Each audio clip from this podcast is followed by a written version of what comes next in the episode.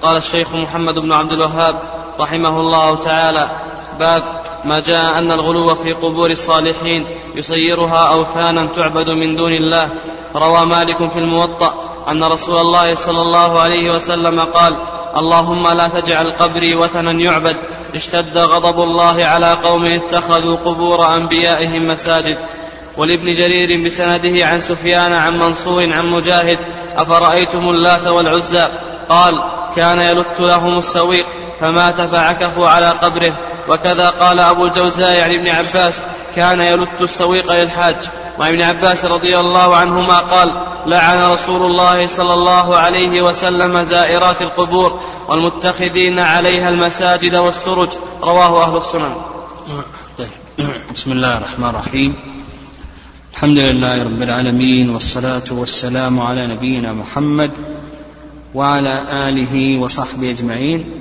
تقدم لنا ما يتعلق بالترجمة ومناسبة هذا الباب لكتاب التوحيد وكذلك أيضا مناسبة هذا الباب للباب قبله. قال روى مالك في الموطأ. نعم، آه، الإمام مالك مالك بن أنس ابن مالك ابن أبي عامر الأصبحي إمام دار الهجرة وإليه ينسب مذهب المالكية. و يعني أحد الأئمة الأربعة توفي رحمه الله سنة تسع وسبعين ومائة الهجرة. والإمام مالك رحمه الله تعالى جمع بين الحديث وبين الفقه. وألف هذا الكتاب الموطأ قال في الموطأ يعني في كتاب الموطأ. كتاب الموطأ وطأه الإمام مالك سهله للناس.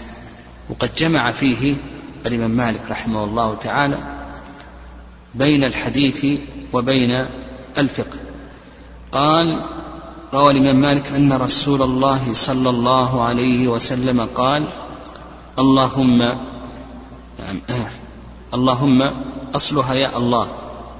فحذفت ياء الندى وعوض عنها الميم. فاللهم منادى مبني على الضم في محل نصب. اللهم لا تجعل قبري وثنا يعبد. الوثن هو كل ما عبد من دون الله عز وجل سواء كان على صورة أو كان على غير صورة بخلاف الصنم.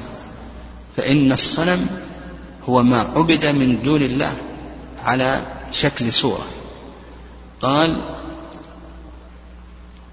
اللهم لا تجعل وثن قبري وثنا يعبد. وثنا قوله يعبد. يعني هذه الصفة لوثن اشتد يعني عظم. غضب الله على قوم اتخذوا قبور أنبيائهم مساجد. يعني اتخذوا قبور أنبيائهم مساجد. يعني أماكن للعبادة. فقوله اتخذوا قبور أنبيائهم مساجد يعني أماكن للعبادة.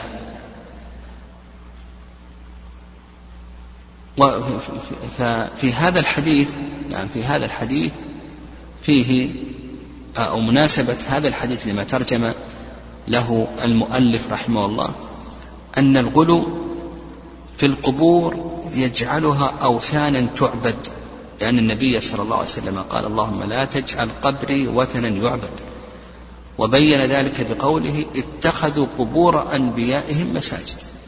فالغلو في القبور يجعلها أوثانا تعبد من دون الله فمناسب لما ترجم له المؤلف رحمه الله تعالى. وهل استجاب الله سبحانه وتعالى دعوة نبيه بأن لم يجعل قبره وثنا يعبد؟ قال ابن القيم رحمه الله بأن الله استجاب دعاء نبيه وجعل قبره محاطا بثلاثة من الجدران. بحيث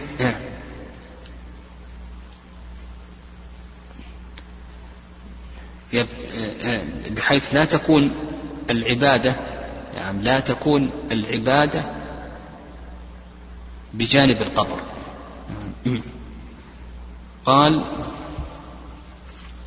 ولابن جرير بسنده عن سفيان عن منصور عن مجاهد أفرأيتم اللات والعزى ابن جرير محمد بن جرير الطبري رحمه الله إمام المفسرين صاحب التفسير المشهور جامع البيان توفي رحمه الله سنة ثلاثمائة وعشرة للهجرة. وابن جرير عالم كبير لا من حيث الأثر ولا من حيث التفسير يعني فتفسيره يعتبر الإمام في التفسير بالأثر. وقد ملأه رحمه الله تعالى بالآثار الكثيرة سواء كانت مرفوعة أو موقوفة على الصحابة أو عن التابعين. نعم. فيعتبر العمدة للتفسير بالأثر. قال وبسنده عن سفيان. سفيان الثوري رحمه الله. مات رحمه الله سنة 61 ومائة للهجرة عن منصور. منصور بن المعتمر مات سنة 32 ومائة للهجرة عن مجاهد. نعم مجاهد بن جبر نعم أيضا إمام في التفسير تلميذ ابن عباس رضي الله تعالى عنه مات سنة أربع ومائة للهجرة. قال أفرأيتم اللات والعزى؟ نعم أفرأيتم اللات والعزى؟ قال كان يلت أفرأيتم؟ يعني أخبروني. والإستفهام للإنكار. نعم. اللات قال كان يلت لهم السويق فمات فعكفوا على قبره. وكذا قال أبو الجوزة أبو الجوزة هو أوس ابن عبد الله الربعي أوس بن عبد الله الربعي. توفي رحمه الله سنة ثلاث وثمانين للهجرة. قال وكذا قال ابن عباس وهو من تلامذة ابن عباس رضي الله تعالى عنهما كان يلت السويق للحاج نعم آه. نعم. عكفوا على قبره العكوف هو طول المكث نعم طول المكث يعني أقبلوا وواظبوا واحتبسوا عليه في هذا أن الغلو في قبور الصالحين يسيرها أوثانا تعبد من دون الله. فهذا الرجل كان صالحا. يعني كان صالحا لأنه كان يلت السويق للحاج. ولا شك أن هذا عمل عمل مبارك. فلما مات غلوا في قبره فعكفوا عنده فعبدوه من دون الله عز وجل. ففي هذا مناسبة. لما ترجم له المؤلف وأن الغلو في قبور الصالحين يصيرها أوثانا تعبد من دون الله. فهذا الرجل الذي كان يلث السوي غلوا في قبره وعكفوا على قبره كما قال مجاهد فعكفوا على قبره وهذا من الغلو. ثم بعد ذلك عبدوه من دون الله عز وجل. فدل ذلك لما ترجم به له المؤلف وأن الغلو في قبور الصالحين يصيرها أوثانا تعبد من دون الله عز وجل. قال وعن ابن عباس رضي الله عنهما قال لعن رسول الله صلى الله عليه وسلم. يعني لعن لعن رسول الله صلى الله عليه وسلم. يعني دعا باللعن. دعا باللعن.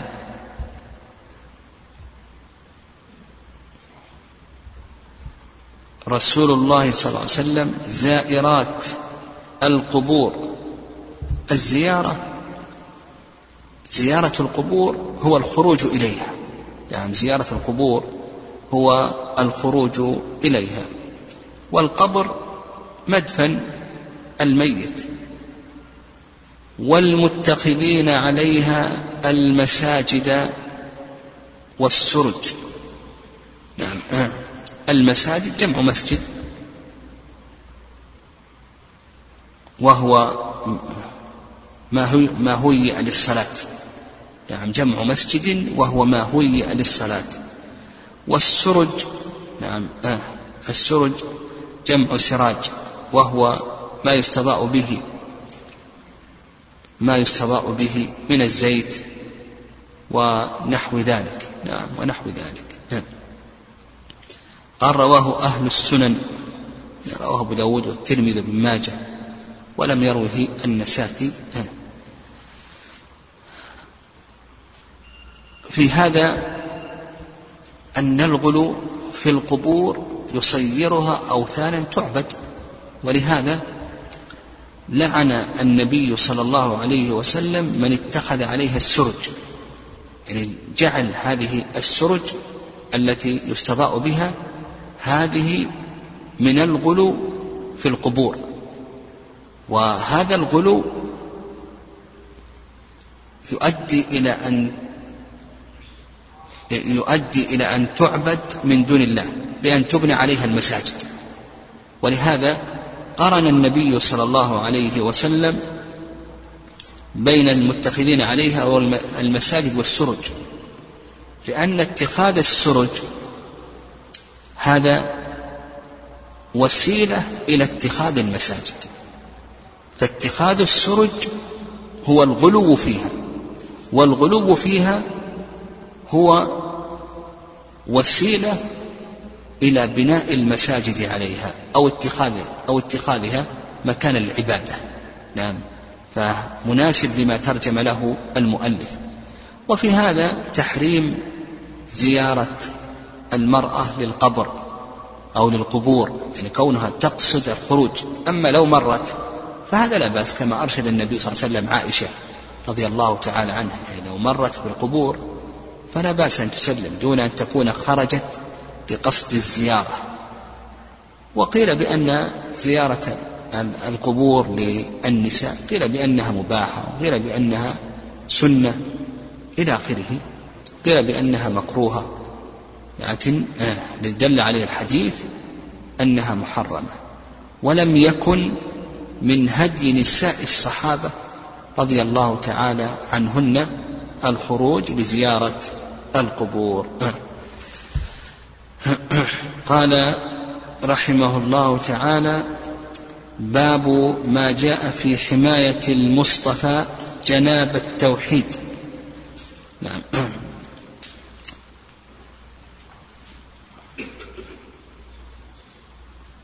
مناسبة هذا الباب لكتاب التوحيد.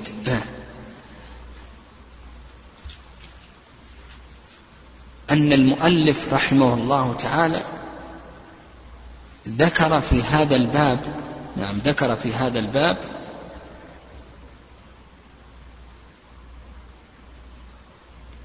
نعم ذكر في هذا الباب شيئا من موانع الوقوع في الشرك. ذكر في هذا الباب شيئا من موانع الوقوع في الشرك. ومن ذلك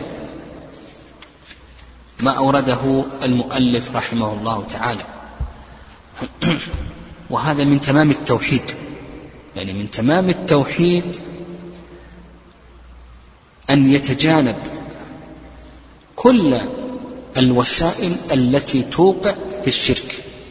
ولهذا إبراهيم عليه الصلاة والسلام لما دعا ربه قال واجنبني وبني أن نعبد الأصنام. يعني اجعلني في جانب وعبادة الأصنام في جانب آخر. وفي هذا سؤال لله عز وجل أن يقيه الشرك ووسائله وأسبابه وذرائعه فهذا من تمام التوحيد أن كون المسلم يحرص على ما يمنعه من الوقوع في الشرك ويحميه منه. هذا من تمام التوحيد. ومناسبة هذا الباب لما قبله أن المؤلف فيما تقدم ذكر الذرائع التي توصل إلى الشرك.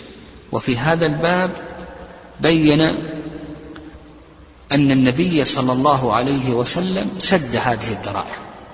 يعني فيما تقدم تقدم أن ذكر أسباب الشرك وذرائع الشرك. وذكر كم من باب في أسباب الشرك وذرائعه؟ ثلاثة أبواب. نعم ذكر ثلاثة أبواب. وفي هذا الباب بين يعني في هذا الباب بين كيف سد النبي صلى الله عليه وسلم هذه الذرائع. قال رحمه الله باب ما جاء في حماية المصطفى. المصطفى أصلها المستفى. فأبدلت التاء بالطاء والمصطفى المختار. نعم المصطفى المصطفى المختار والاصطفاء هو الاختيار. جناب التوحيد يعني جانب. جناب يعني جانب التوحيد حدود التوحيد. كيف أن النبي صلى الله عليه وسلم حمى جانب التوحيد وحدود التوحيد من أن يخدش بالشرك؟ قال جناب التوحيد وسده يعني منعه كل طريق يوصل إلى الشرك. يعني كيف أن النبي صلى الله عليه وسلم منع كل الطرق التي توصل إلى الشرك؟ قال وقول الله تعالى لقد جاءكم رسول من أنفسكم عزيز عليه ما عنتم حريص عليكم بالمؤمنين رؤوف رحيم. نعم. اللام موطئة لقسم مقدر التقدير والله لقد جاءكم رسول من أنفسكم. تقدم لنا تعريف الرسول وأن الرسول من أوحي إليه بشرع وأمر بتبليغه والنبي من أوحي إليه بشرع ولم يؤمر بتبليغه. والتعريف الثاني أن الرسول هو الذي يأتي بشريعة جديدة وأما النبي فهو الذي يحكم بشريعة الرسول الذي قبله مثل أنبياء بني إسرائيل.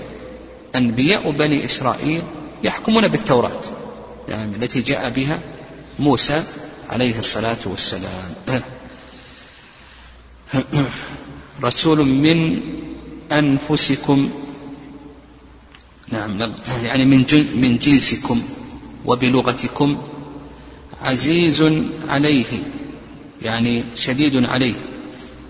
ما عنتم شديد عليه ما عنتم يعني ما يشق عليكم.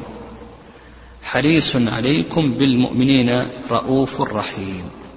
يعني مناسبة هذه الآية لما ترجم له المؤلف الله سبحانه وتعالى وصف نبيه محمدا صلى الله عليه وسلم بأنه رؤوف رحيم بالمؤمنين.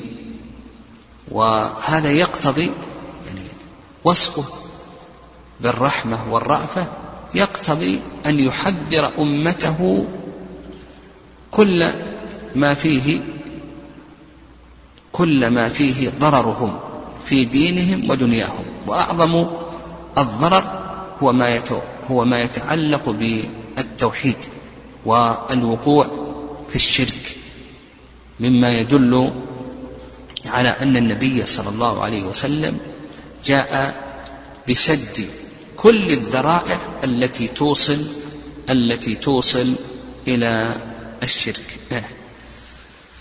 نعم. والله أعلم.